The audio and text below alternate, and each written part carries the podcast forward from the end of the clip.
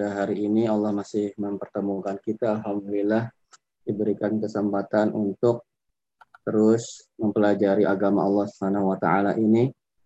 Dan dengan bekal kita mempelajari agama ya mudah-mudahan Allah mudahkan nanti kita dalam beramal dalam mengamalkan yang telah kita ketahui tersebut.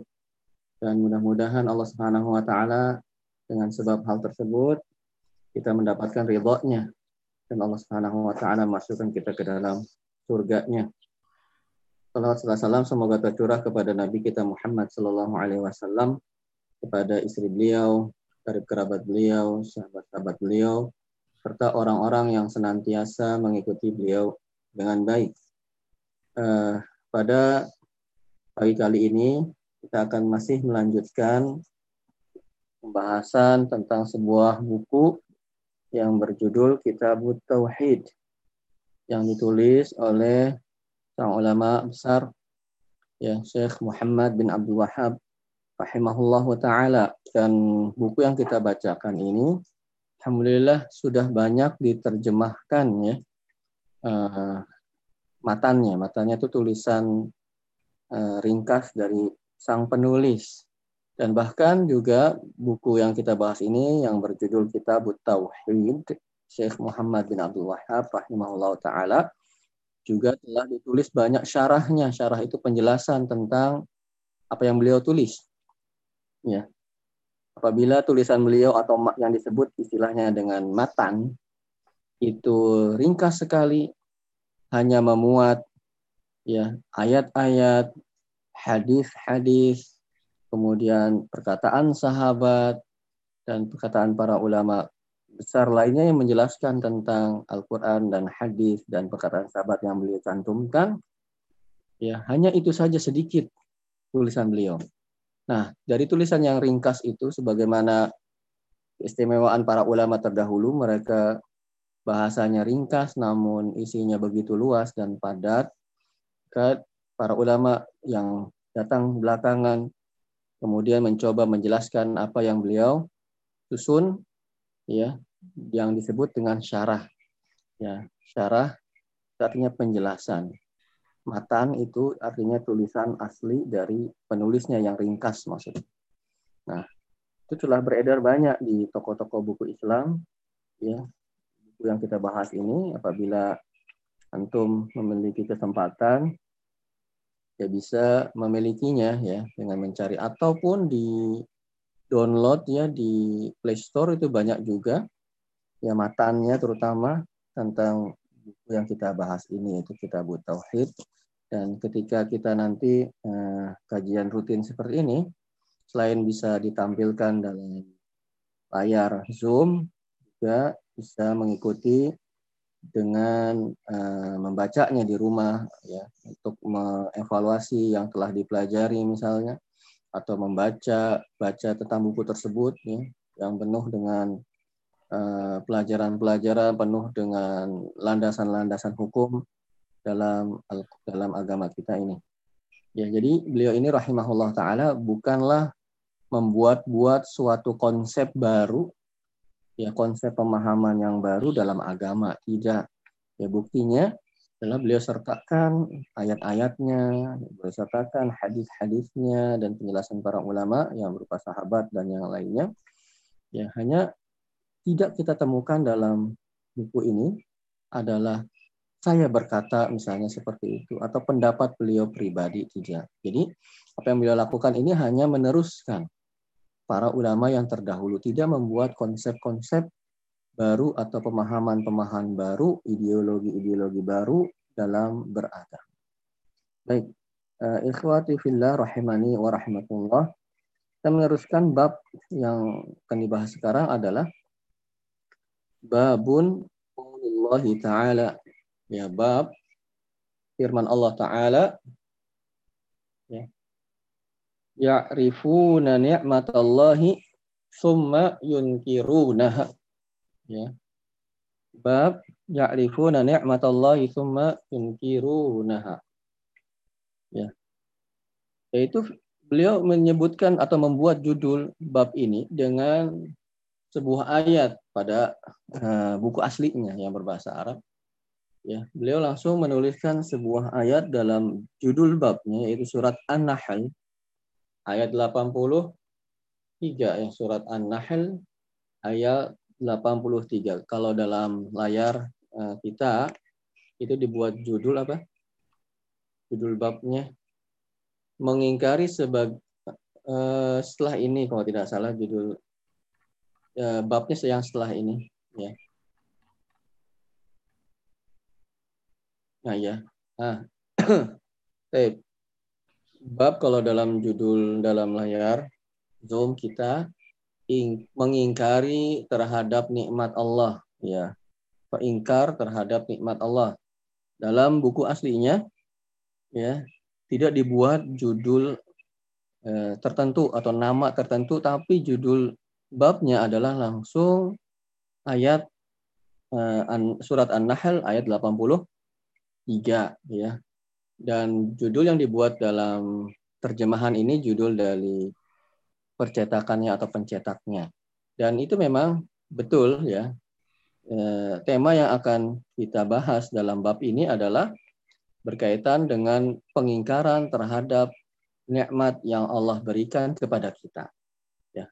Beliau menuliskan di awal bab sebuah ayat tadi yang kita sebutkan An-Nahl ayat 83 Allah berfirman ya'rifuna ni'matallahi thumma yunkirunaha.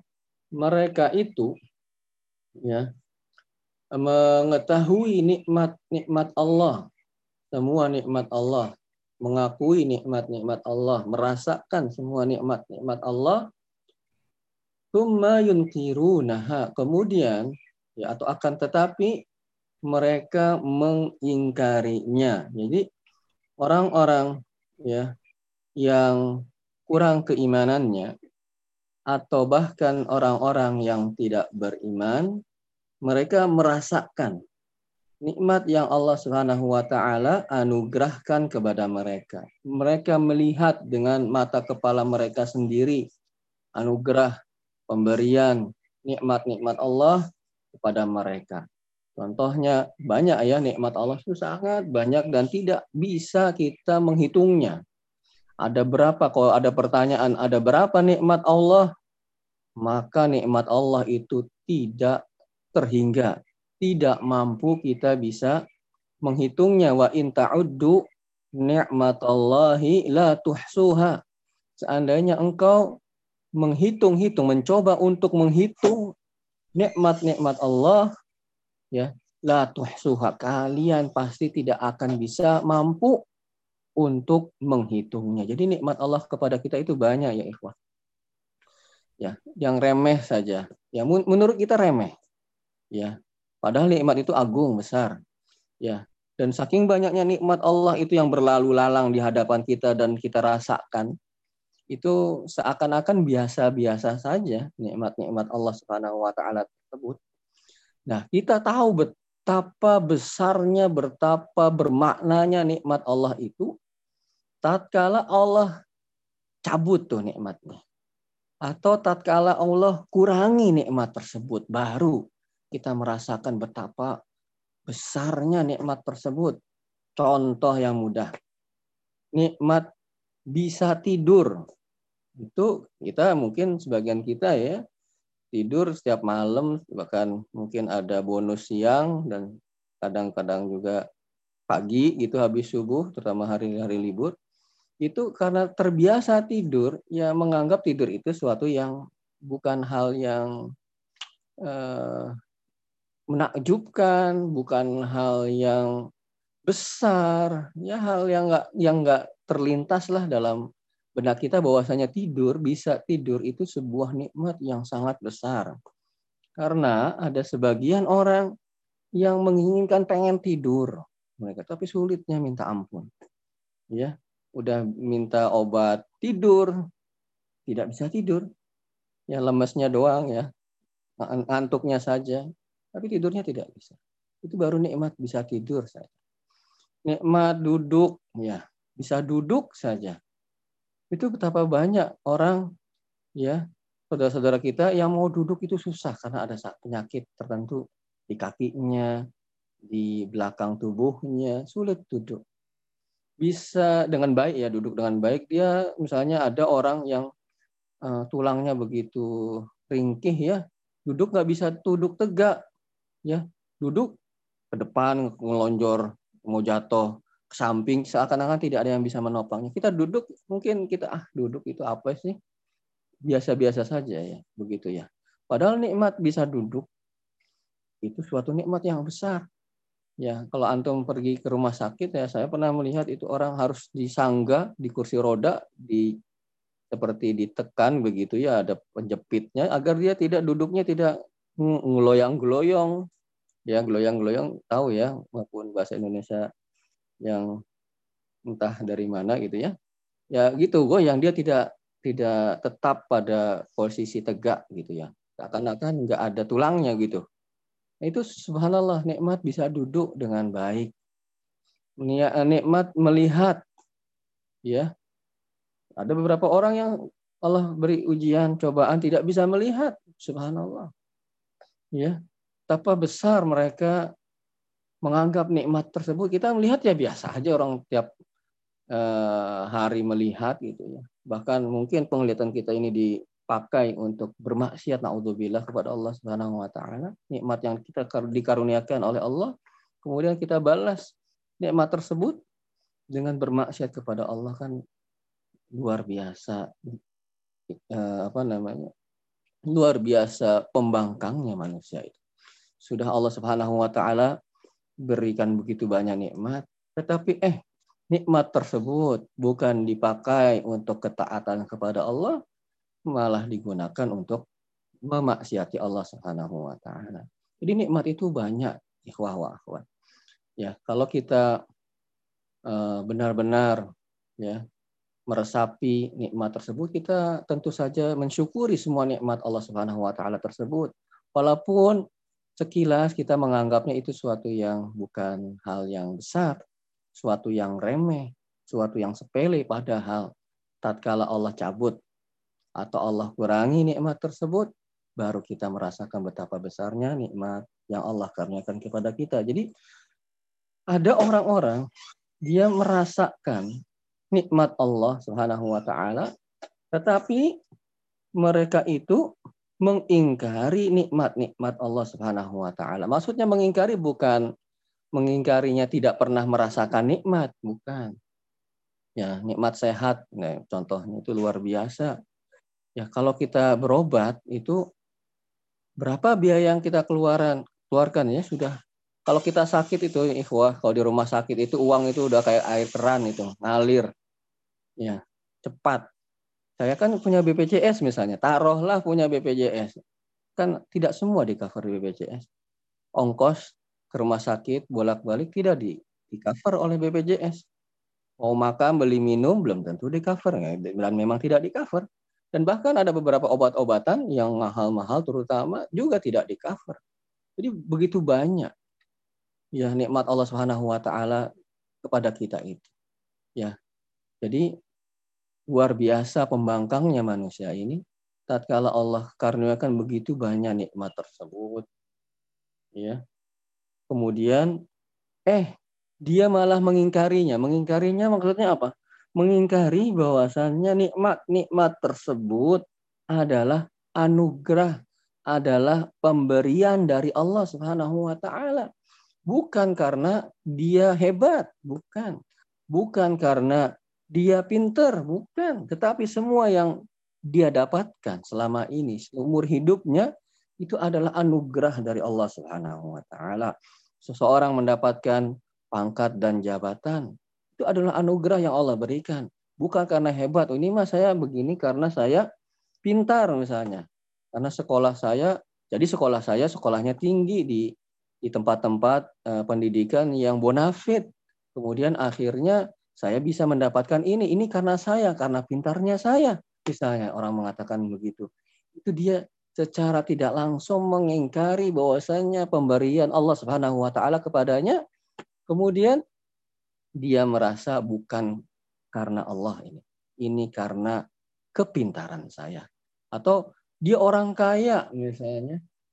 wah harta yang saya dapatkan ini karena saya pinter bisnis, saya hebat, saya cerdik, saya uh, pintar dan sebagainya. Ya, ini karena saya nih, saya makanya saya begini tuh bisnis saya maju karena sayanya memang uh, misalnya uh, sayanya uh, cerdik dalam memanage bisnis bisnis saya. Akhirnya saya menjadi orang yang kaya.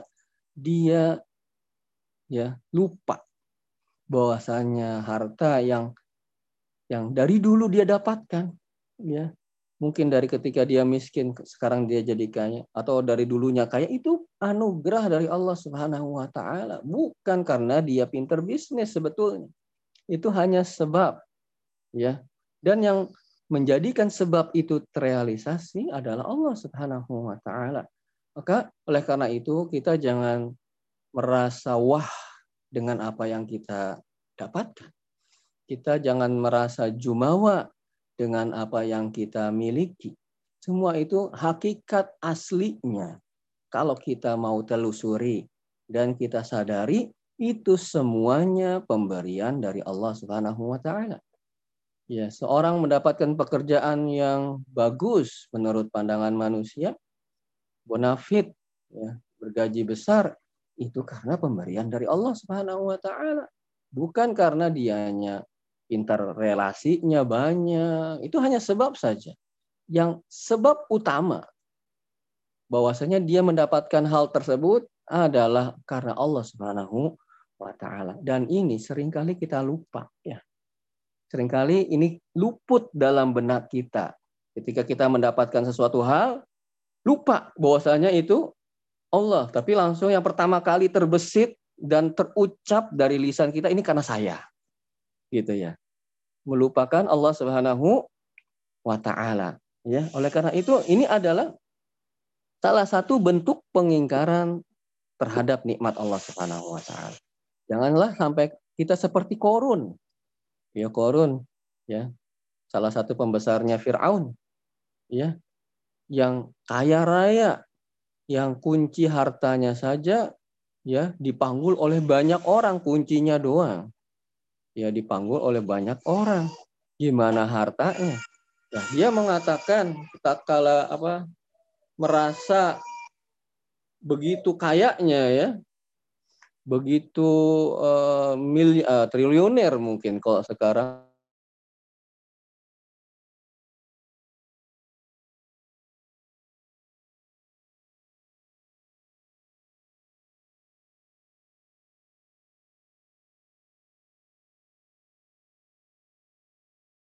dengar sekarang itu ada nama harta karun ya. Sebetulnya bukan karun itu, harta korun.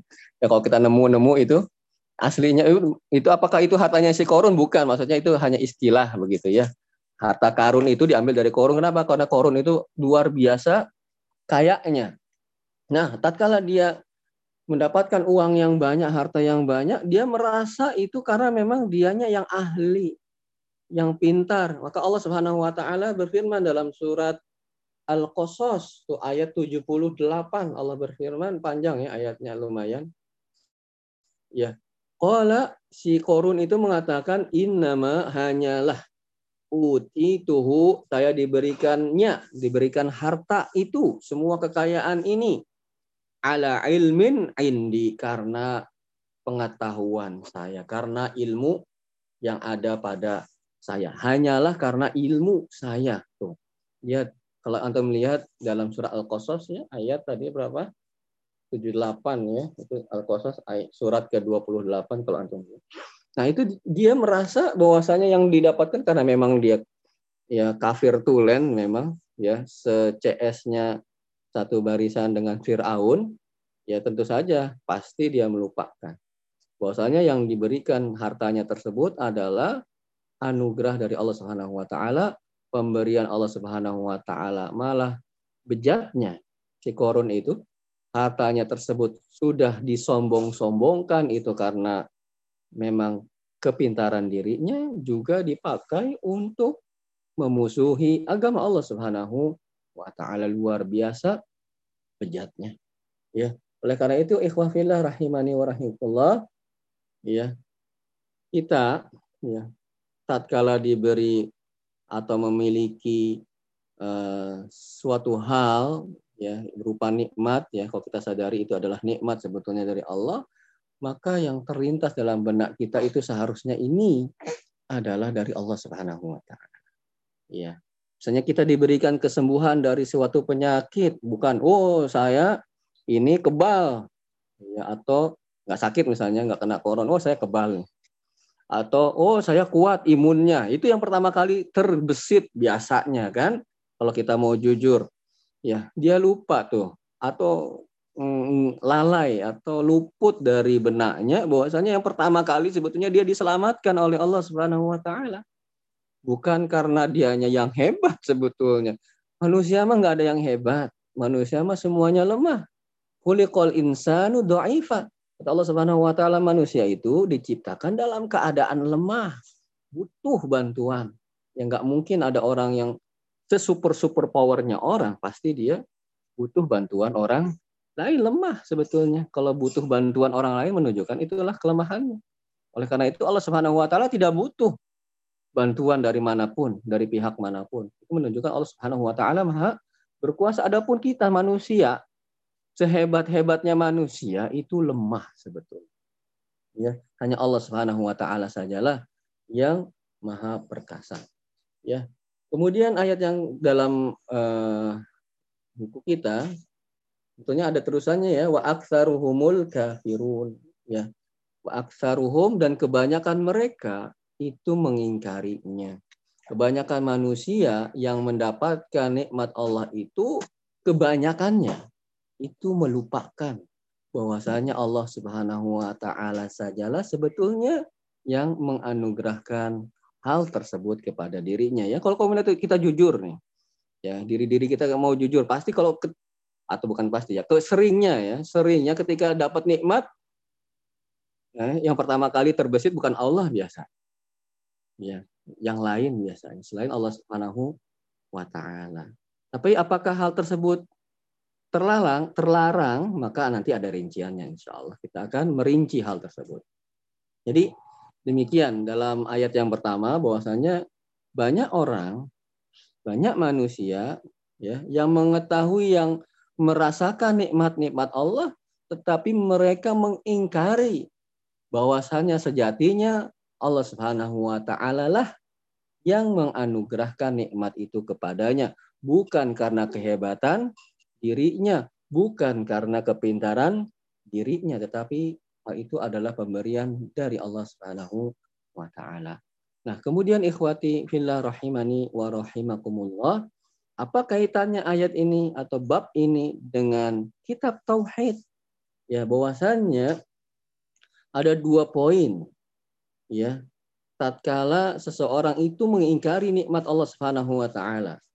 Bahwasanya lupa Allah Subhanahu wa taala lah yang memberikan nikmat tersebut ya dia kemudian menyandarkan nikmat yang diberikan oleh Allah kepada selain Allah. Contohnya kepada dirinya misalnya yang paling sering terjadi biasanya begitu. Ya maka hal ini bisa mencederai tauhid rububiyah. Ya bahwasanya Allah Subhanahu wa taala adalah yang mengatur segala urusan sebetulnya. Ya ketika orang menyandarkan bahwasanya semua yang terjadi ini itu adalah karena dirinya contohnya dia lupa bahwasanya Allah sebetulnya yang mengatur segala urusan. Dan hal ini ya bisa mencederai mengurangi tentang tauhid rububiyahnya ya itu yang poin pertama. Poin kedua kenapa pengingkaran terhadap nikmat Allah kemudian menyandarkannya kepada selain Allah? Ini berkaitan dengan tauhid karena orang-orang yang diberikan nikmat dari Allah Subhanahu wa taala ini seharusnya yang mereka lakukan adalah bersyukur kepada Allah Subhanahu wa taala, bukan malah takabur, bukan malah sombong, bukan malah jumawa ya, merasa besar dirinya, tidak. Seharusnya yang dilakukan adalah bersyukur dan merendahkan dirinya bahwasanya ini dari Allah bukan karena sayanya, bukan karena fulannya. Ini saya hanya sebab saja yang utama dan pertama mengapa nikmat ini bisa saya dapatkan? Karena ini diberikan oleh Allah Subhanahu wa taala. Seharusnya kan begitu. Tetapi tatkala dia tidak bersyukur dan syukur itu ikhwah adalah termasuk ibadah, ya. Bersyukur adalah salah satu jenis ibadah. Tatkala dia lalai dari ibadah ini, ya, memalingkan ibadah ini kepada selain Allah Subhanahu wa taala, maka ini pun mengurangi tauhid ibadahnya yaitu tauhid uluhiyahnya. Jadi ada dua hal kenapa mengingkari nikmat Allah ya. Maksudnya mengingkari ini dia lalai, dia luput bahwasanya nikmat atau pemberian yang dia dapatkan, dia hasilkan itu aslinya, asalnya, sejatinya pemberian dari Allah. Kemudian dia sandarkan ya bahwasanya nikmat ini adalah pemberian dari orang lain atau karena dirinya sendiri, maka itu tadi mengurangi tauhid rububiyahnya. Kemudian poin yang kedua, karena kenapa berkaitan dengan tauhid juga? Karena seharusnya tatkala orang itu diberi nikmat, dia bersyukur dan bersyukur itu ibadah. Nah, kok dia ketika diberi nikmat malah bukan bersyukur, malah eh, apa namanya menyandarkan nikmat tersebut kepada selain Allah Subhanahu wa taala, dia mengurangi tauhid ibadahnya karena bersyukur adalah termasuk ibadah. Maka dari dua poin ini uh, beliau Syekh Muhammad rahimahullah taala membahas pengingkaran terhadap nikmat Allah pun adalah merupakan bagian yang bisa mengurangi atau merusak tauhid seseorang. Itu kaitannya dengan bab bab dengan buku yang kita bahas. Kemudian ikhwati fillah rahimani wa rahmatullah kita lanjutkan, beliau menukilkan kola mujahid. Ya, mujahid ini adalah seorang tabi'in. Ya, jadi ada istilah-istilah generasi dalam Islam. Ada istilahnya sahabat, sahabat Nabi Shallallahu Alaihi Wasallam. Ya, generasi setelah mereka, mereka misalnya sudah wafat semua, generasi setelah mereka adalah generasi tabi'in. Itu generasi keduanya setelah para sahabat Nabi Shallallahu Alaihi Wasallam. Nah, setelah generasi tabiin itu ada istilahnya dengan tabiut tabiin. Jadi ada tiga generasi terbaik umat ini yang sebagaimana disabdakan oleh Rasulullah SAW, khairu kuruni korni. Sebaik-baiknya generasi, sebaik-baiknya masa adalah masaku. Yang ketika beliau hidup, tentu saja di masa itu selain beliau Shallallahu Alaihi Wasallam adalah yang hidup para sahabat beliau Shallallahu Alaihi Wasallam. Ya, yang terbaik, ya generasi yang terbaik dalam agama kita, ya yang pernah ada adalah generasinya sahabat Rasulullah Shallallahu Alaihi Wasallam. Ya, kemudian siapa yang dimaksud dengan sahabat Nabi? Ya, kalau kita kan sahabat itu teman somet gitu ya. Kalau yang disebut istilah dengan sahabat Nabi Shallallahu Alaihi Wasallam adalah mereka yang hidup sezaman dengan Nabi. Satu. Ya, mereka yang hidup sezaman dengan Nabi. Loh, Abu Jahal juga sezaman. Bukan sahabat. Ya, belum selesai penjelasannya. Yang pertama, orang yang hidup dengan sezaman dengan Nabi Shallallahu Alaihi Wasallam. Yang kedua, beriman kepada Nabi. Nah, Abu Jahal, Abu Lahab nggak beriman walaupun sezaman. Ya. Yang kedua, beriman kepada Nabi Muhammad Shallallahu Alaihi Wasallam. Kemudian yang sezaman tadi maksudnya bertemu dengan Nabi ya. Bertemu dengan Nabi, berinteraksi dengan Nabi. Kemudian beriman dengan Nabi Shallallahu Alaihi Wasallam. Kemudian wafat di atas keimanannya tersebut. Ya. Wafat di atas keimanannya. Bertemu dengan Nabi, sezaman artinya dengan Nabi. Kemudian beriman dengan Nabi Shallallahu Alaihi Wasallam. Kemudian mati dalam keadaan beriman kepada Nabi Shallallahu Alaihi Wasallam. Itulah yang disebut dengan sahabat Nabi SAW. Kemudian generasi setelahnya tadi disebut dengan tabi'in. Tabi'in adalah tidak bertemu dengan Nabi. Generasi ini nggak ketemu. Ketika mereka lahir, Nabi SAW telah meninggal. Tetapi mereka bertemu dengan sahabat Nabi. ya Dengan generasi yang terbaik tadi. Yang pertama.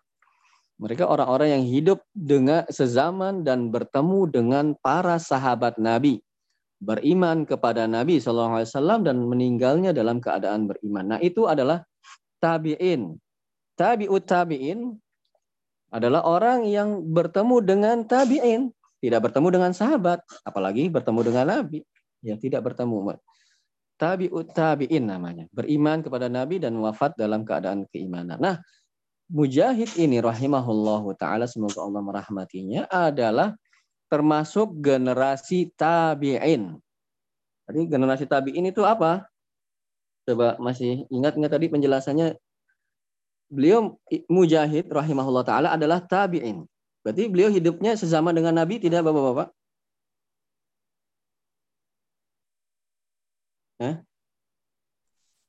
Ya. Tidak ya. Sezaman dengan uh, siapa beliau hidup? Sahabat.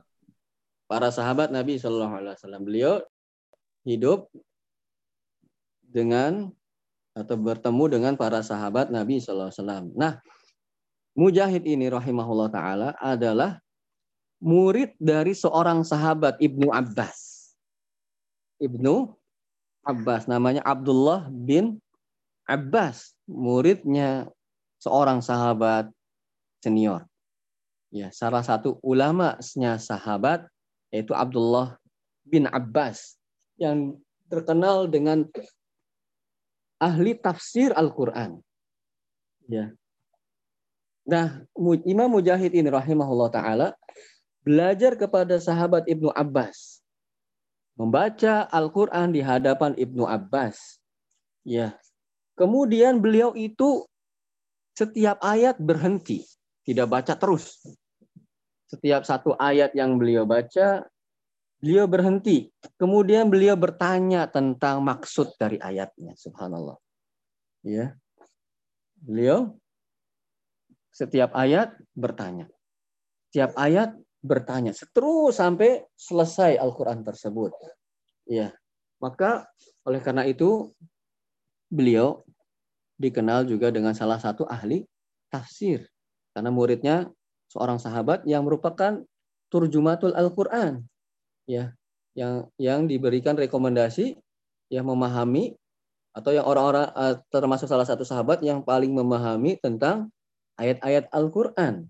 Nah, beliau Mujahid rahimahullahu taala mengatakan ya yang maknanya adalah Qaulur rajul, ayat tadi yang kita baca itu.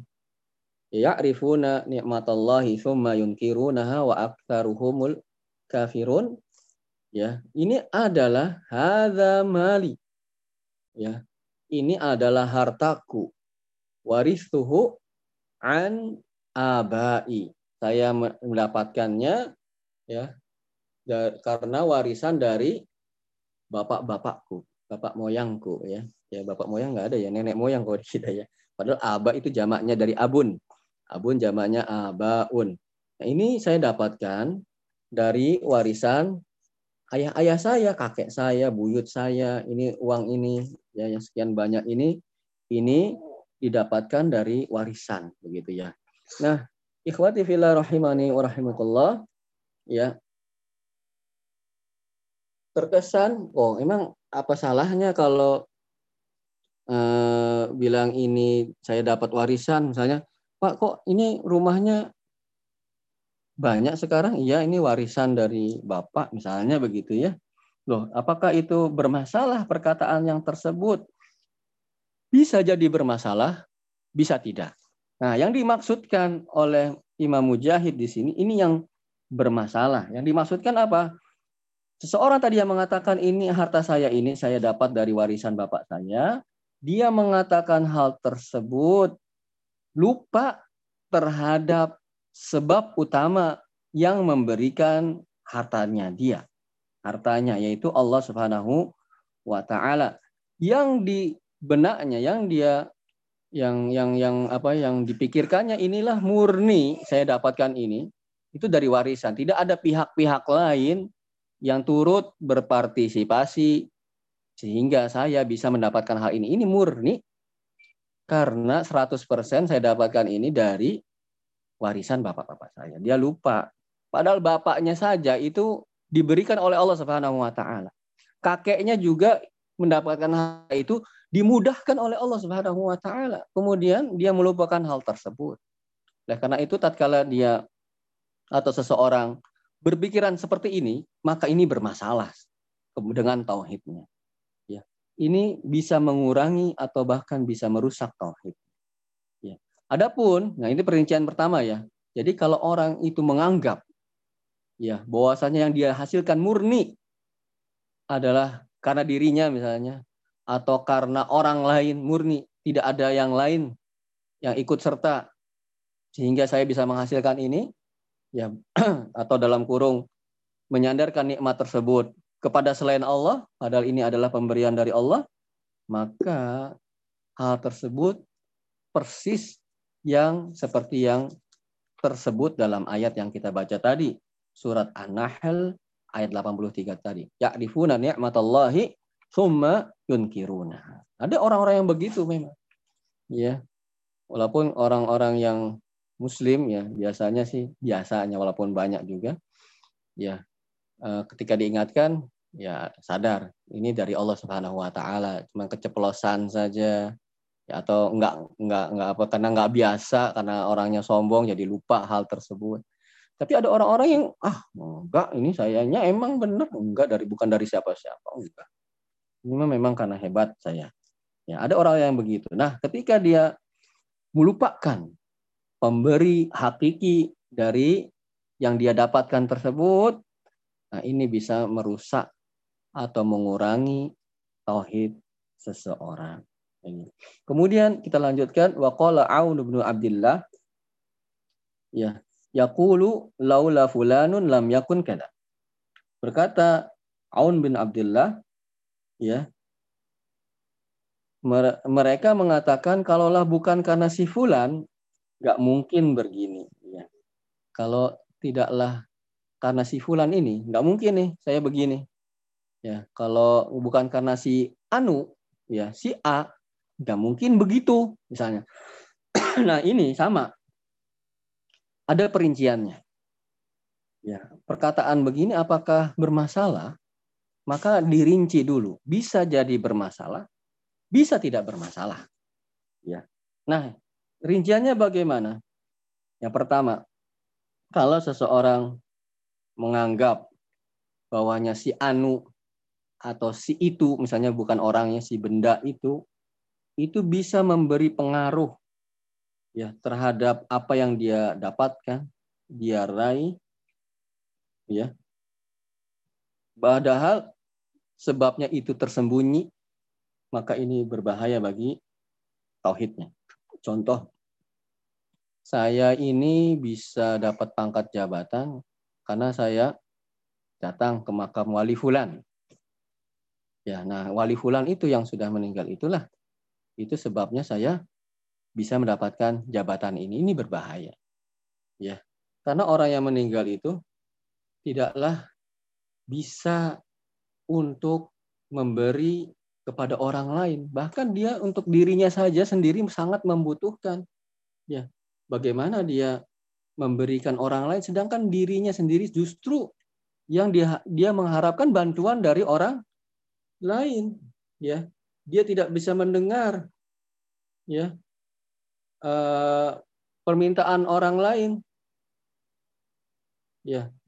Kalaupun dia bisa mendengar, pun dia tidak bisa mengabulkan permintaan orang lain. Orang dia saja butuh ya butuh kepada doa orang ya. Apalagi dia bisa memberikan bantuan kepada orang lain kan gitu.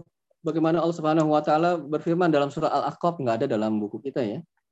Allah berfirman waman adallu mimma yad'u min dunillah.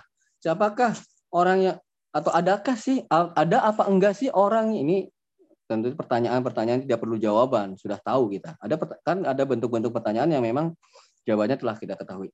Kata Allah Subhanahu wa taala, "Wa man adallu mimma yad'u min Siapakah yang lebih sesat dari orang yang menyeru, orang yang berdoa atau menyeru selain Allah, la yastajibu lahu ila yaumil sampai hari kiamat pun nggak bisa memberikan apa yang mereka minta wahum an duaihim ghafilu ya sedangkan mereka sendiri itu tidak mengetahui atau tidak bisa mendengar permintaan-permintaan orang ya. Jadi orang-orang yang sudah meninggal itu bukan kita mintai. Justru kita beri dengan apa? Dengan memberikan mereka doa, ya. Kalau anak seorang anak ya dia menjadi anak yang soleh mudah-mudahan itu menjadi syafaat bagi orang tuanya kan gitu. Ada tiga amalan yang tidak terputus pahalanya sampai seorang itu meninggal kan ya. Ada tiga di antaranya adalah doa anak yang soleh kepada orang tuanya kan gitu.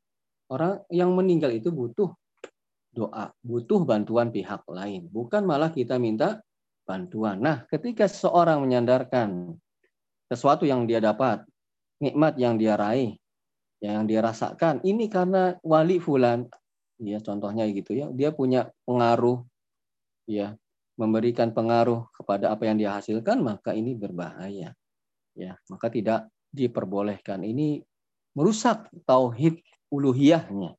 Ini kesyirikan yang syiriknya syirkun akbar. Syiriknya syirik besar yang kedua ya apabila dia menyandarkan kepada sebab yang benar ya baik secara syar'i dan kauni maka ini dibolehkan. Ya maka hal ini dibolehkan. Misalnya gini ada seorang yang mau menyeberang jalan. Kemudian dia eh, karena banyak pikiran mungkinnya jadi nggak fokus ternyata dia jalan ada misalnya mobil yang kencang dia nggak sadar karena mikirin permasalahannya. Kemudian ada orang yang menyelamatkan yang menarik tangannya. Ditarik kemudian akhirnya alhamdulillah izin Allah ya orang tersebut terselamatkan. Kemudian dia bilang masya Allah alhamdulillah pak. Kalau bukan karena bapak saya udah ketabrak nih. Boleh enggak perkataan tersebut? Boleh.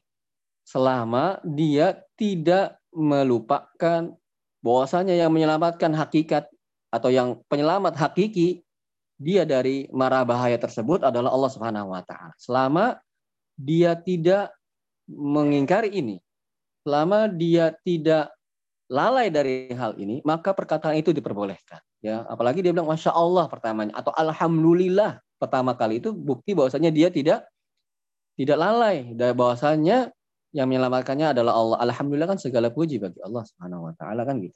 Alhamdulillah Pak, kalau bukan Bapak saya sudah tabrak, sudah mati kali. Alhamdulillah. Nah, ketika dia mengatakan hal tersebut, Ya, karena disandarkan sebab yang syar'i atau kauni, ya syar'i itu dalam dalam agama, kauni itu ya yang yang apa yang yang bukan agama tapi itu adalah suatu sebab misalnya obat untuk menyembuhkan penyakit itu kan sebab namanya kauni bukan syar'i. Nah, ketika dia menyandarkan kepada sebab itu maka diperbolehkan selama dia tidak lalai dari yang pemberi hakikinya yaitu Allah Subhanahu wa taala. Kok boleh? Emang kenapa? Ada sebuah hadis diriwayatkan oleh Imam Bukhari dan Muslim. Kata Nabi SAW, tatkala pamannya itu diberi keringanan azabnya, yaitu Abu Talib, beri keringanan azabnya di neraka dengan memakai alas kaki dari batu dari api neraka, kemudian mendidih otaknya, dan itu paling ringan. Jadi, subhanallah, masya Allah, Alhamdulillah ya semoga Allah menyelamatkan kita. Jadi azab neraka yang paling ringan adalah azabnya Abu Talib pamannya Nabi SAW yang selama hidupnya membela Nabi, mendukung Nabi, pasang badan terhadap dakwahnya Nabi SAW terhadap Islam ini. Tetapi ya Abu Talib ini mati dalam keadaan kafir. Nah itu orang yang paling ringan azabnya ya. Dan menda karena mendapatkan syafaat dari Nabi Shallallahu Alaihi Wasallam meminta kepada Allah diringankan nggak bisa keluar dari neraka tuh. Karena orang-orang kafir tidak akan bisa keluar dari api neraka. Hanya yang bisa didapatkan oleh Abu Talib adalah keringanan dari azab. Azabnya paling ringan yaitu dipakai alas kaki dari batu api neraka. Kemudian otaknya mendidih coba bayangkan. Otaknya ini kalau kita masak air itu ya di panci itu kan kayak gitu tuh itu deket ya. Dari pancinya langsung api. Lah ini dari kaki, otaknya yang blebek-blebek mendidih begitu. Itu ringan. Dan dia tidak melihat uh, azab yang dirasakan oleh orang lain. Dia hanya merasakan azabnya sendiri. Kenapa? Kalau dia melihat azab yang dirasakan oleh orang lain, wah ada yang lebih parah dari dia, dia merasa agak ringan tuh apa yang dia dapati kan gitu. Kadang-kadang kalau kita sakit kita nggak tahu ternyata ada penyakit lain yang lebih parah, kita merasa diri kita itu paling sakit kan gitu ya. Kalau kita lihat orang lain, uh, lebih parah dari saya, maka itu ada ada sedikit apa hiburan bagi diri kita kan gitu ya. Nah ini dia tidak bisa melihat azab yang lainnya, dia hanya bisa merasakan dirinya yang sedang diazab. Nah itu adalah azab yang paling ringan. Apa kata Nabi SAW? Dia mengatakan, laula ana. Kalau bukan karena saya, kata Nabi, laka nafidar kil asfali minanar. Niscaya Abu Talib itu paman saya itu, itu berada dalam dasarnya api neraka. Nah ini Rasulullah SAW mengatakan, laula ana kalau bukan saya. Ya ini tentu saja tidak ada satupun orang yang mengatakan Allah itu lalai dari eh, eh Rasul itu lalai dari Allah nggak mungkin. Ya, bahwasanya Rasulullah SAW itu orang yang selalu mengingat Allah Subhanahu wa taala di mana pun dalam keadaan apa pun kecuali dalam misalnya kamar mandi. Ya oleh karena itu doa keluar kamar mandi kan apa doanya? Gufro naka aku memohon ampunan kepadamu. Itu dibaca oleh Rasulullah SAW, diajarkan oleh Rasulullah SAW dan kita baca juga, kita ikuti beliau SAW. Kenapa? Karena dalam keadaan itu kita tidak diperkenakan untuk berzikir dan Rasulullah SAW orangnya selantan senantiasa mengingat Allah Subhanahu Wa Taala. Nah, ini tidak mungkin kita bawa bahasanya Allah lalai, eh Rasulullah lalai dari Allah Subhanahu wa taala tidak. Ini hanya menyandarkan sebab. Nah, apabila kita mengabarkan sesuatu yang merupakan sebab tetapi kita tidak lalai bahwasanya pemberi sebab itu adalah Allah sejatinya, maka itu boleh. Contohnya tadi ketika menyelamatkan orang kita diselamatkan oleh orang aduh pak kalau bukan bapak masya Allah alhamdulillah kalau bukan karena bapak ini saya sudah begini dan begitu itu diperbolehkan selama catatannya selama tidak lalai dari pemberi hakiki yaitu Allah Subhanahu wa taala ya. Uh, kemudian kita lanjutkan qala Ibnu Qutaibah yaquluna yang berkaitan dengan ayat mereka mengatakan hadza bi syafaati alihatina. Ini hal ini terjadi karena disebabkan syafaat dari ilah-ilah kami ini parah ini. Ya, jadi sesuatu didapatkan oleh seseorang sebabnya karena sesembahan sesembahan selain Allah Subhanahu wa taala ya. Kenapa? Ya, ini adalah bentuk kesyirikan tentu saja yang jelas, nyata, gamblang, kasat mata. Ya, misalnya eh, saya dapat ini nih karena sesembahan saya yang ini selain Allah Subhanahu wa taala. Itu lebih lebih buruk ya pengingkarannya karena memang biasanya mengatakan tersebut asal akidahnya atau asal pemahamannya memang kufur kepada Allah Subhanahu wa taala berbeda dengan yang sebelum-sebelumnya yang kita bahas itu bisa terjadi pada seorang muslim hanya kemudian dia lalai kemudian dia tidak ingat bahwasanya pemberi sejati hakiki adalah Allah Subhanahu wa taala. Kalau yang ini memang pada dasarnya asalnya memang sudah mengingkari kepada keimanan kepada Allah Subhanahu wa taala. Maka mereka mengatakan ini karena pertolongan sesembahan-sesembahan kami, sembahan A, sesembahan B, ya. Ini pertama itu syirik akbar yang kasat mata, yang gamblang. Yang kedua, dia menyandarkan sesuatu bukan kepada penyandar yang hakikinya. Yang sebetulnya dia menyandarkan kepada uh, sembahan-sembahannya yang merupakan nama-nama saja sebetulnya. Hakikatnya tidak ada. Kalaupun ada, itu tidak benar. Misalnya contohnya menyembah nabi, nabinya ada memang, tapi tidak benar bahwasanya nabinya itu adalah Tuhan selain Allah Subhanahu wa taala. Apalagi yang lain, ya cuman sekedar banyaknya cuman sekedar nama saja. Wujud wujud apa namanya? Hakikinya nggak ada. Cuman sebutan ini namanya ini, ini namanya Tuhan ini atau ini namanya uh, dewa ini. Aslinya nggak ada, ya. Hanya fatar moga, hanya fantasi, pemikiran-pemikiran saja. Nah, terlebih-lebih lagi hal tersebut. Nah, ini yang parah menyandarkan bahwasanya memang semua yang didapatkan ini adalah karena sembahan-sembahan selain Allah Subhanahu wa taala. Kemudian yang terakhir atau yang hampir terakhir kita bacakan qala Abdul Abbas Ibnu Ibnu Taimiyah rahimahullah taala. Ba'da hadis Zaid bin Khalid alladhi fihi menjelaskan tentang hadis yang diriwayatkan oleh Zaid bin Khalid. Anallah Ta'ala qala Allah Subhanahu wa taala berfirman, "Asbaha min ibadi mu'minun bi wa kafirun." Ya, asbaha min ibadi mu'minun bi wa kafir. Ya. Pagi pada pagi hari sebagian hambaku ada yang beriman kepadaku dan juga ada yang kafir. Ada yang beriman kepadaku dan juga ada yang kafir. Ya. Kemudian beliau melanjutkan wa wa qad taqaddama wa hadza katsirun fil kitabi was sunnah. Dan hal ini banyak terdapat di Al-Qur'an dan sunnah. Yadhummu subhanahu man yudifu in'amahu ila ghairihi wa yusyriku bihi. Allah mencela orang yang menyandarkan nikmat-nikmat dari Allah kepada selain Allah dan berbuat syirik kepada kepadanya ya. Contoh ya, ada orang-orang yang jadi ikhwati fillah rahimani wa keimanan itu bisa berbolak-balik ya. Bisa pada pagi hari seorang itu beriman, sorenya kafir sudah. Dan sebaliknya ada orang yang sorenya beriman, paginya sudah kafir. Jadi keimanan itu menunjukkan bahwasanya keimanan itu berbolak-balik dan hati itu berbolak-balik. Hati dinamakan hati, kalau bahasa Arabnya kolbun. Kolbun itu suatu yang tidak tetap, yang berbol, yang bergerak terus itu namanya kolbun dalam bahasa Arab. Ya, nah hati dinamakan kolbun karena dia ber, ber, ber, bergerak berubah-ubah keadaannya.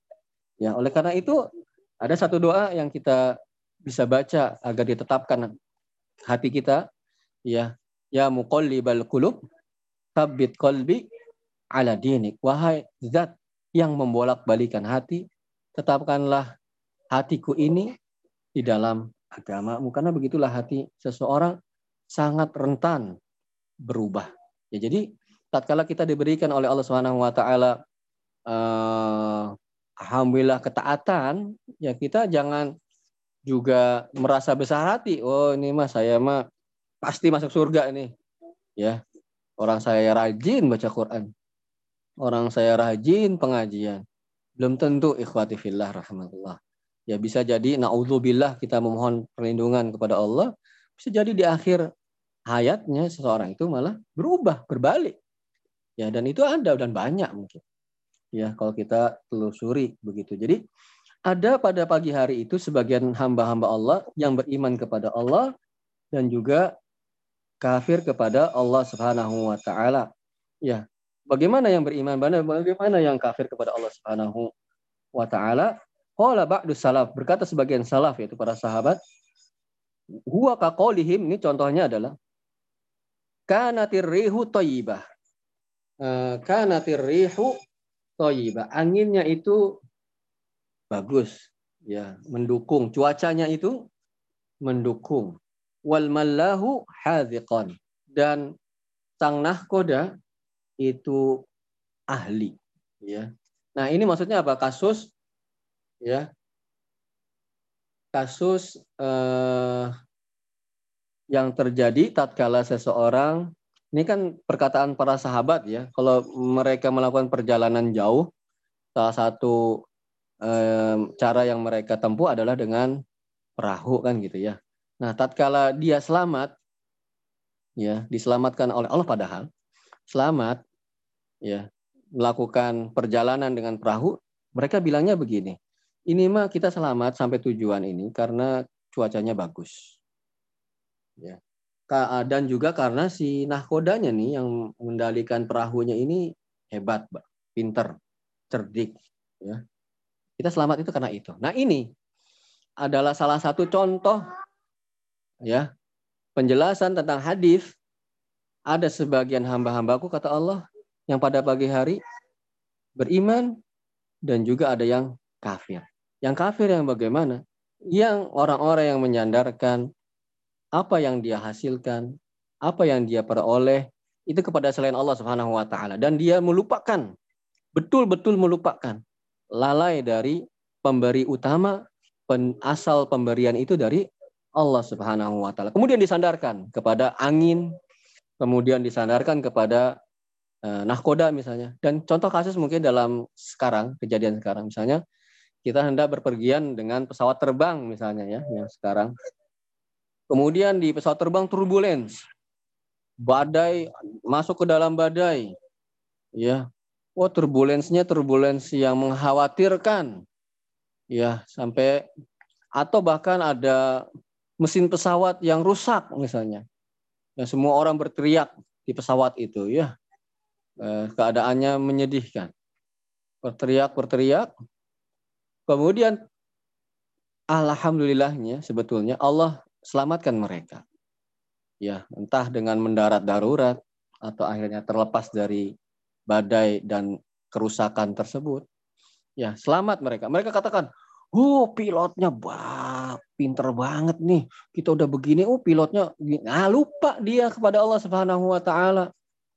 Ya bahwasanya yang sebetulnya pilot pilotnya juga ketar-ketir itu ya mungkin pilotnya juga udah pikir-pikir udah udah macam-macam ya dianya nggak tahu saja ya dia menyandarkan selamatnya dirinya dari turbulens hebat, dari kerusakan atau kendala di udara pesawat tersebut itu karena pilotnya hebat begitu ya.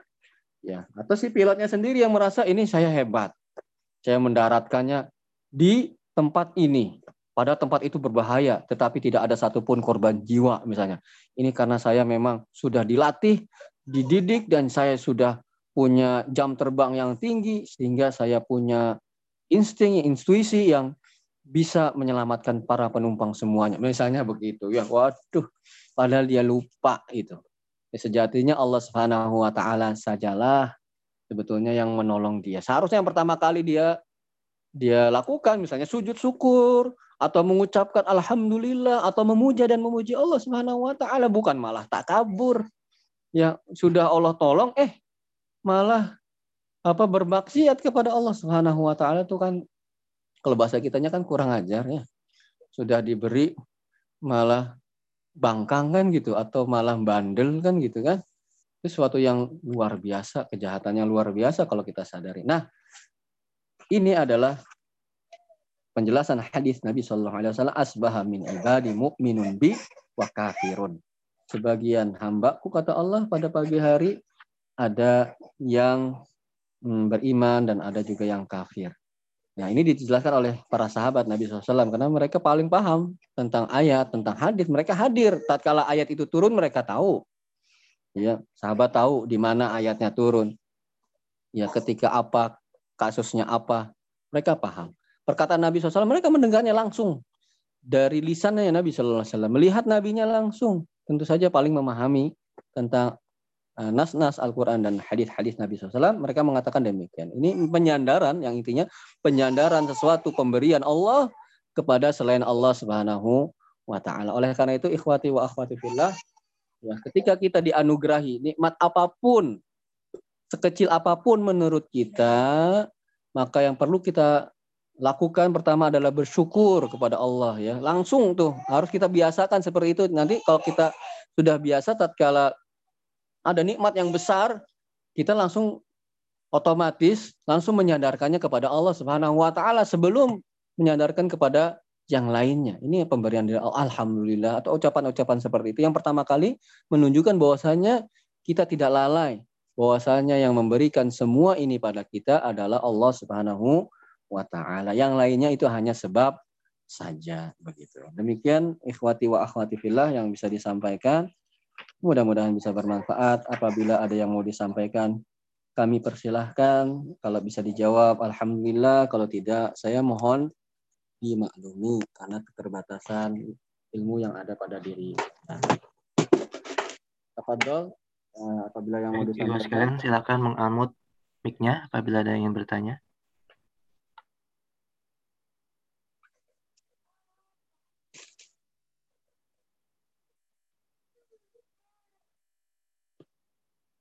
Baik, kalau begitu saya bertanya ya. Pak Juli.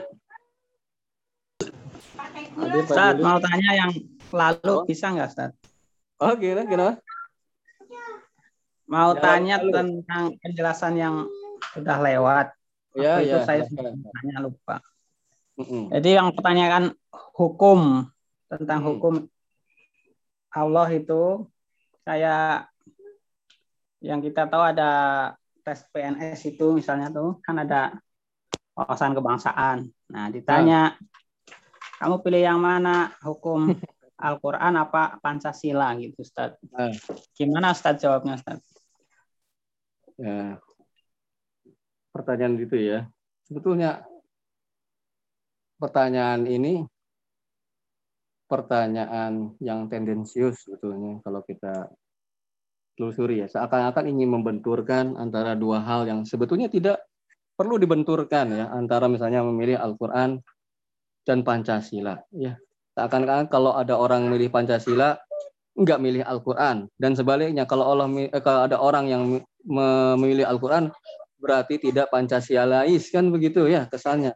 Ini pertanyaan yang sebetulnya perlu dipertanyakan juga pertanyaannya.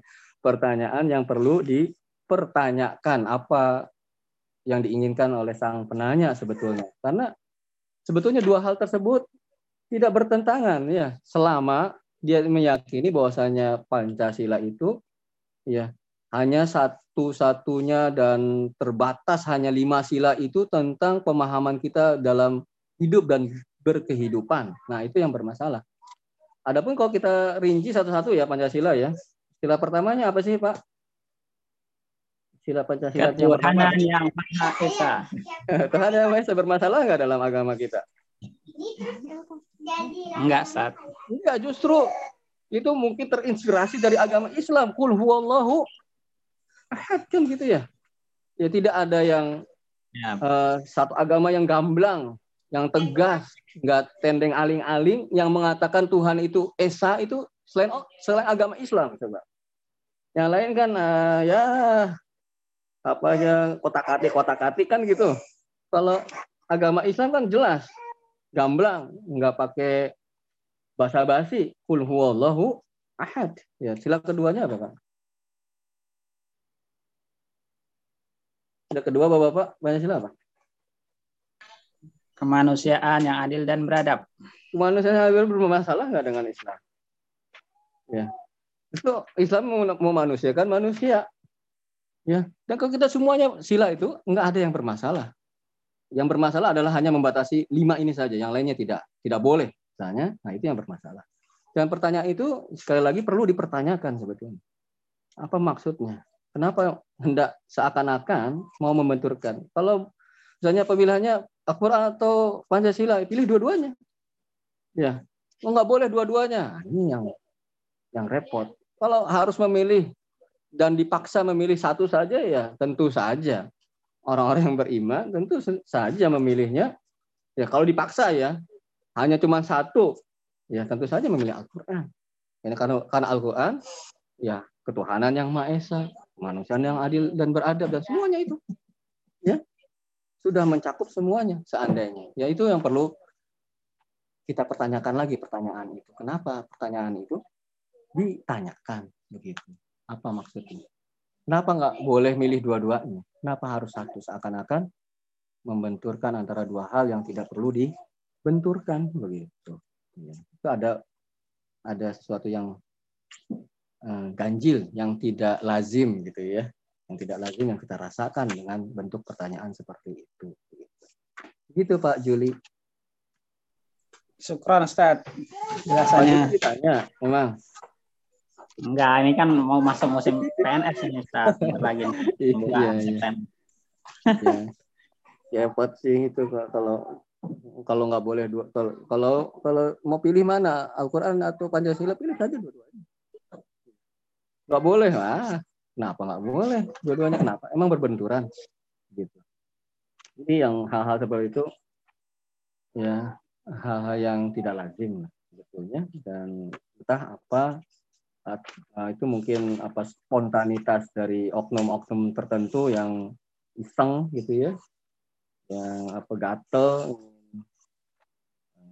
buat heboh gitu ya entah juga apa motifnya gitu ya tapi sebetulnya tidak perlu mempertandangkan hal tersebut. Ya, sekarang ini kan gitu ya, seolah-olah ada sebagian ya, nggak semua, yang kesannya kalau agama gitu, yang cenderung kepada agama itu tidak NKRI kan gitu kesannya. Kalau apa namanya, kalau yang agamais, yang yang condong ke agama itu seakan-akan anti NKRI itu kan sebagian oknum yang memang mengesankan hal-hal seperti itu. Kalau kita telusuri dari awal kan yang banyak sahamnya, jasanya terhadap kemerdekaan negeri kita. Kalau kita jujur kan kaum muslimin yang paling besar sahamnya kan gitu.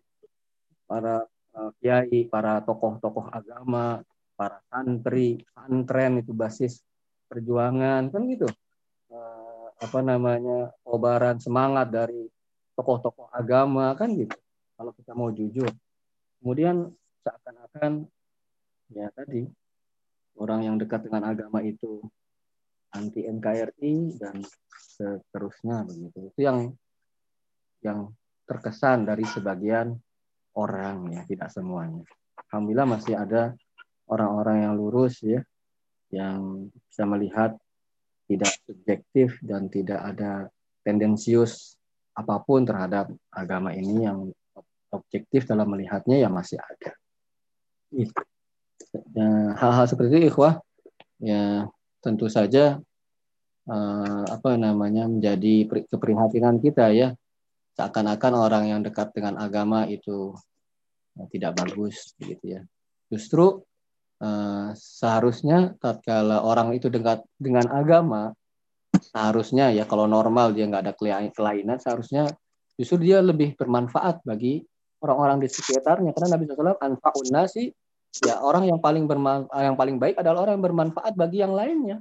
Dia memberikan manfaatnya bagaimana orang yang yang dekat dengan agama ya dilatih agar dia jujur amanah dalam bekerjanya kan gitu. Seharusnya orang-orang yang dekat dengan agama itu mendapatkan perhatian sehingga apa karena memang mereka telah dilatih ya untuk bisa berbuat hal-hal yang baik.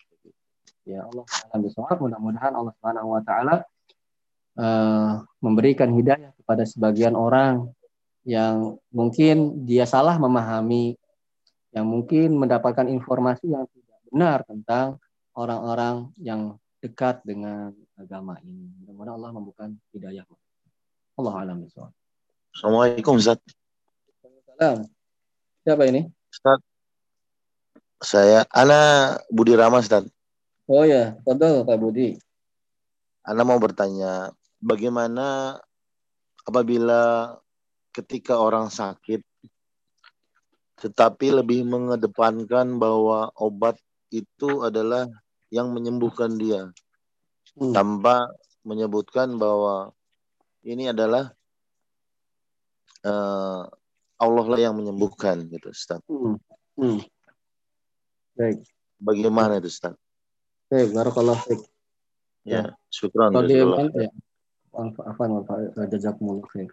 Jadi ikhwah wa akhwat fillah kalau ada orang misalnya terlalu menyandarkan diri kepada musabab, ada namanya sebab, ada yang musabab ya. Uh, atau musabib ya. Ada namanya istilahnya sebab ada musabib. Orang yang terlalu atau bahkan murni eh, apa namanya hatinya itu condong hanya kepada sebabnya saja melupakan musabib yang memberikan sebab tersebut. Maka itu persis apa yang kita bahas pada pagi ini. Ya. Maka ketika seseorang ya hanya berpatokan kepada sebab lupa terhadap yang memberi sebab tersebut lupa kepada Allah atau lalai bahwasanya yang memberikan sebab itu dan menjadikan sebab itu terjadi adalah Allah Subhanahu wa taala maka persis seperti yang kita bahas pada pagi hari ini. Hal ini yaitu lupa terhadap Allah dan hanya menyandarkan diri dan hanya meyakini bahwasanya sebab itulah yang menolong dirinya, maka ini bisa merusak atau mengurangi tauhidnya. Ya. Ketika dia hanya meyakini bahwasanya obat ini saja, bukan karena Allah. Ini Allah nggak ada urusan.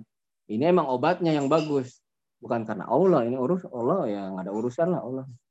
Nah, bisa rusak itu akidahnya, tauhidnya. Bisa rusak. Ya, naudzubillah min dalik.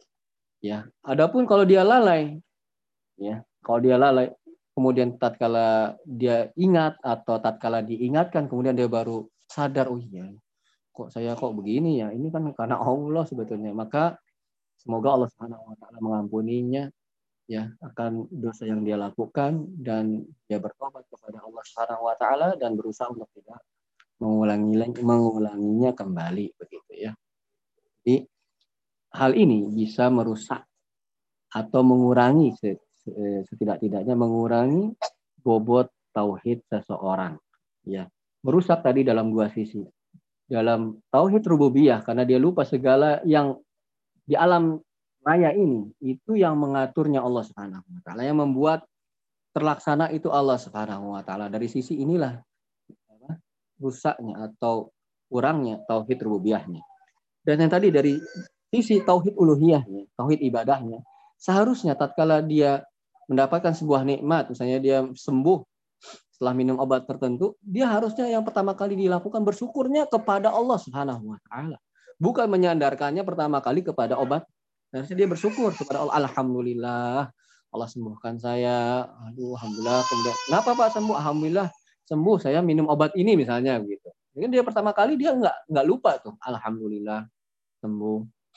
Kemudian wasilahnya adalah obat ini. Tapi tatkala dia tidak sama sekali meyakini itu ada urusannya dengan Allah, Allah nggak punya urusan dalam kesembuhannya yang yang menyembuhkannya adalah obat, ini mencederai tauhid uluhiyahnya, ulu, tauhid ibadahnya. Kenapa? Harusnya bersyukur. Syukur itu ibadah. Kemudian dia tidak bersyukur. Malah e, memaksiati Allah Subhanahu wa taala dengan menyandarkannya ini bukan karena Allah Subhanahu wa taala. Dan kita ikhwah banyak ya sebab itu tidak terlaksana walaupun sudah dicoba oleh orang. Ya betapa banyak orang yang minum obat-obat tertentu yang katanya mujarab, mujarab itu bahasa Arab, mujarab Mujarab itu yang sudah telah dicoba. Ada orang-orang yang katanya minum obat-obat tertentu, yang katanya mujarab, tapi nggak sembuh-sembuh. Betapa banyak kita dapat hal tersebut. Ada orang yang batuk, ya udah obat apa saja dicoba nggak sembuh-sembuh. Pada obat batuknya mungkin obat batuk yang top, yang, yang udah racikan, yang racikannya dokternya dokter bukan kaleng-kaleng. Ya tapi nggak sembuh juga Betapa banyak kita dengar itu minum obat ini nggak sembuh, berobat ke sana nggak sembuh. Bahkan kepada orang-orang yang katanya banyak sembuhnya, ya. Coba deh antum tanya kalau jujur ya. Ada orang-orang yang berobat kepada dokter Anu, terkenal misalnya dokter itu itu pasiennya banyak yang cocok. Ada juga yang enggak tuh. Ya, enggak semua 100% cocok juga. Misalnya berobat ke contoh realnya ya ke rumah sakit ini ya bayi tabung eh, misalnya bayi tabung atau apa namanya program program kehamilan karena banyak yang berhasil. Ada juga yang nggak berhasil tuh berobat ke sana ke dokter tertentu. Jadi tidak semua sebab itu ya walaupun memang secara ilmiah ya itu bisa menyembuhkan tapi hakikatnya enggak semuanya bisa sembuh. Enggak semuanya bisa berhasil. Ini menunjukkan ya ikhwah bahwasanya sebab utamanya adalah Allah Subhanahu wa memberi sebab itu, musabib namanya. Adapun sebab itu karena kita diperintahkan. Ya, kenapa kita berobat ketika kita sakit? Karena diperintahkan. Tadawa wala tadawau tadadawau bil haram. Berobatlah kalian kata Nabi SAW. Jangan berobat dengan yang haram. Kita diperintah. Kalau nggak ada perintah untuk berobat, mungkin kita nggak berobat ya, tapi karena ada gitu ya. Ya, ya tidak ada, apa tidak ada dalam syariat ini semua yang hal yang baik melainkan diperintahkan dianjurkan oleh syariat ini. Nah, jadi ketika seorang berobat atau memakan obat, ya kemudian dia tidak mengakui yang kufur terhadap pemberi kesembuhan yang hakikinya adalah Allah, maka ini bisa membahayakan tauhidnya. Bisa membahayakan akidahnya. Nah, hal-hal seperti ini ya ikhwah mungkin remeh ya. Ternyata ada hal-hal yang remeh itu berbahaya ternyata bagi keimanan seseorang. Oleh karena itu pentingnya kita mempelajari tentang permasalahan Oh, Ada orang yang menganggap hal-hal biasa, padahal tidak biasa di sisi Allah Subhanahu Wa Taala. Ada yang mem, apa, menganggapnya sepele, enggak sepele padahal permasalahannya di sini Allah Subhanahu Wa Taala. Kasus-kasus seperti ini itu tidak sepele, menganggap hanya obat ini yang menyembuhkan Allah nggak ada urusan dalam obat itu bukan hal yang sepele yang merusak tauhid seseorang berbahaya bagi keimanan seorang tidak sepele. Ya makanya perlu kita belajar agama karena itu. Karena ada hal-hal yang mungkin banyak dilakukan orang tapi kan banyak dilakukan orang itu bukan menunjukkan pasti itu adalah hal yang baik kan? Belum tentu. Ya oleh karena itu eh, kita perlu mempelajari agama ini agar terhindar dari hal-hal tersebut. Jadi permasalahan tadi itu persis seperti yang kita bahas pada pagi hari ini bisa menodai bahkan bisa merusak tauhid atau keimanan seseorang. Allah a'lam bishawab. Begitu Pak Budi yang bisa saya sampaikan. Syukuran Ustaz. Syukuran. Mantap aja. Mungkin Ustaz, uh, bisa tanya Ustaz. Oh, ada lagi. Masya Allah. Ya siapa? siapa ini? Budi Ustaz. Oh, Budi Budi lagi. Ya, ya, ya, ya. Gini Ustaz. Bagaimana Pak? Uh, dengan kondisi yang sekarang uh, sedang COVID nih Ustaz.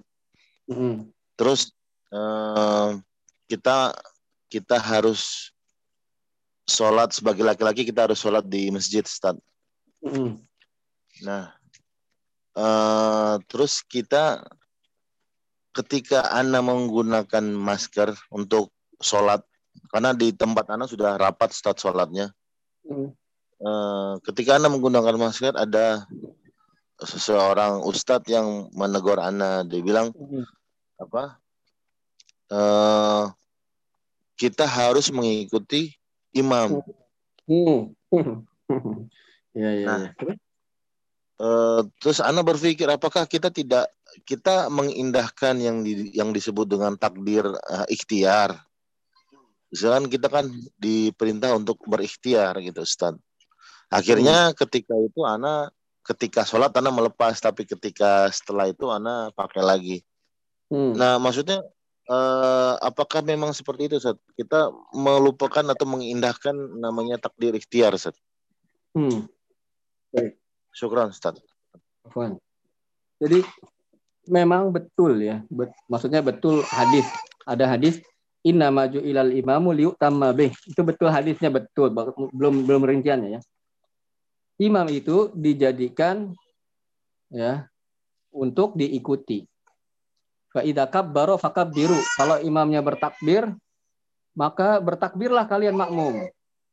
Ya, Fa'idha roka'a farka'u. Kalau imamnya ruku, rukulah kalian. Begitu. Nah itu betul hadis. Tapi yang dimaksud dengan hadis tersebut adalah hal-hal yang berkaitan dengan sholat. Ya. Bukan berarti imam itu misalnya imam pakai peci hitam, antum pakai peci hitam. Enggak ada yang mengatakan gitu. Kan mengikuti imam. Imam pecinya hitam loh, antum hijau, berarti nggak mengikuti imam. Enggak, nggak ada seorang pun yang mengatakan begitu. Imam pakai baju koko, kita pakai gamis saja. Loh, kok nggak ikutin imam? Imamnya pakai baju koko. Yang nggak ada orang yang mengatakan begitu. Jadi yang diikuti imam tersebut adalah dalam hal-hal yang berkaitan dengan sholat. Ya, so, imamnya takbir ya takbir, jangan ruku. Ya, imamnya sujud ya sujud kita, jangan takbir begitu ya. Jadi di imam itu diikuti gerakan-gerakannya. Nah, kalau sang ustadz itu mengatakan misalnya imamnya nggak pakai masker, berarti makmum nggak pakai masker. Nah, kita balik. Kalau imamnya pakai masker, antum antum pakai masker nggak? Gitu. Misalnya. Nah. gitu. Imamnya pakai masker nih. Antum pakai masker juga nggak? Gitu. Nah, jadi ya ikhwani fillah. Uh, Allahu a'lam bisawab. Ya. Jadi permasalahan-permasalahan ini memang salah satu permasalahan yang yang apa ya yang menggelitik gitu ya bagian kita. Jadi dalam kondisi kondisi seperti ini itu bukan kondisi yang normal ya. Jangan nah, kita pakai dengan landasan-landasan yang yang berlaku di dalam keadaan-keadaan normal. Ya keadaan-keadaan dalil-dalil tentang keadaan normal dibawa terhadap kondisi yang sedang tidak normal. Itu nggak pas keadaannya begitu. Penetapannya nggak pas. Jadi ya. Nah, dan juga ya banyak fatwa ulama ya, yang menunjukkan bahwasanya dalam keadaan seperti ini bagi orang-orang yang khawatir akan dirinya, keselamatan dirinya, keluarganya, kesehatan dirinya, atau nyawa dirinya dan keluarganya, diperbolehkan mendapatkan rukhsah untuk tidak ke masjid. Bagi orang-orang yang merasa demikian ya khawatir. Sayanya atau keluarga saya, nyawa saya, keluarga saya, kesehatan saya dan sebagainya diperbolehkan mendapatkan rukhsah untuk sholatnya di rumah. Coba ya ikhwah, kalau kita hujan saja ya, hujan, itu ya, itu diperbolehkan kita tidak sholat jamaah. Itu hujan yang cuman apa?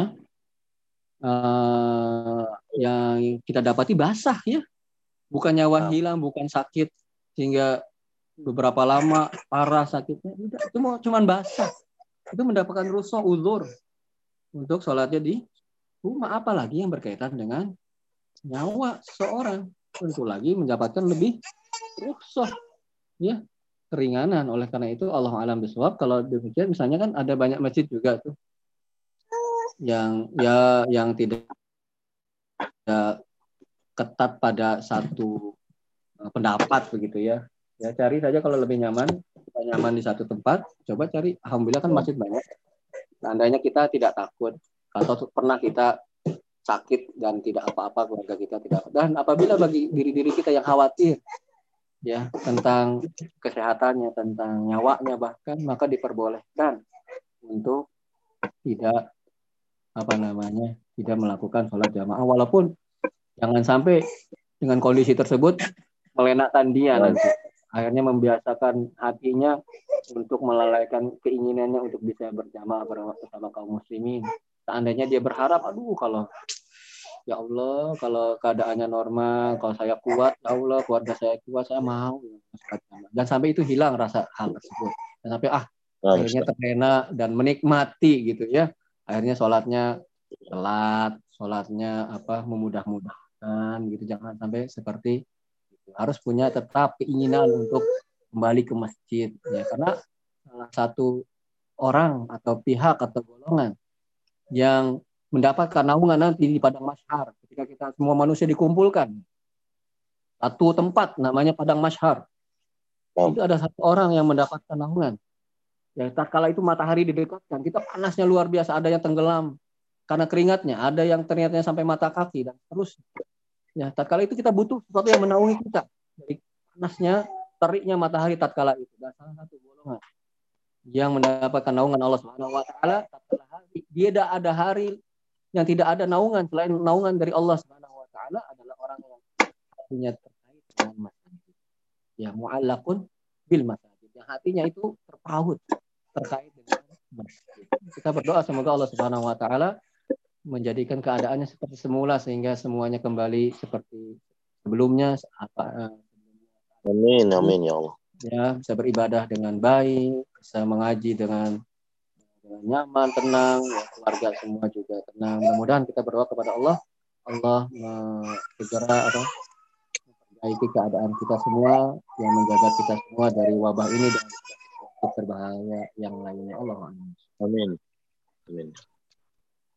Eh, mungkin sampai di sini dulu ya, Ikhwah ya. Ustaz. Saya mohon maaf. Nah, Ustaz. Eh, eh, terima kasih sebelumnya sudah menyempatkan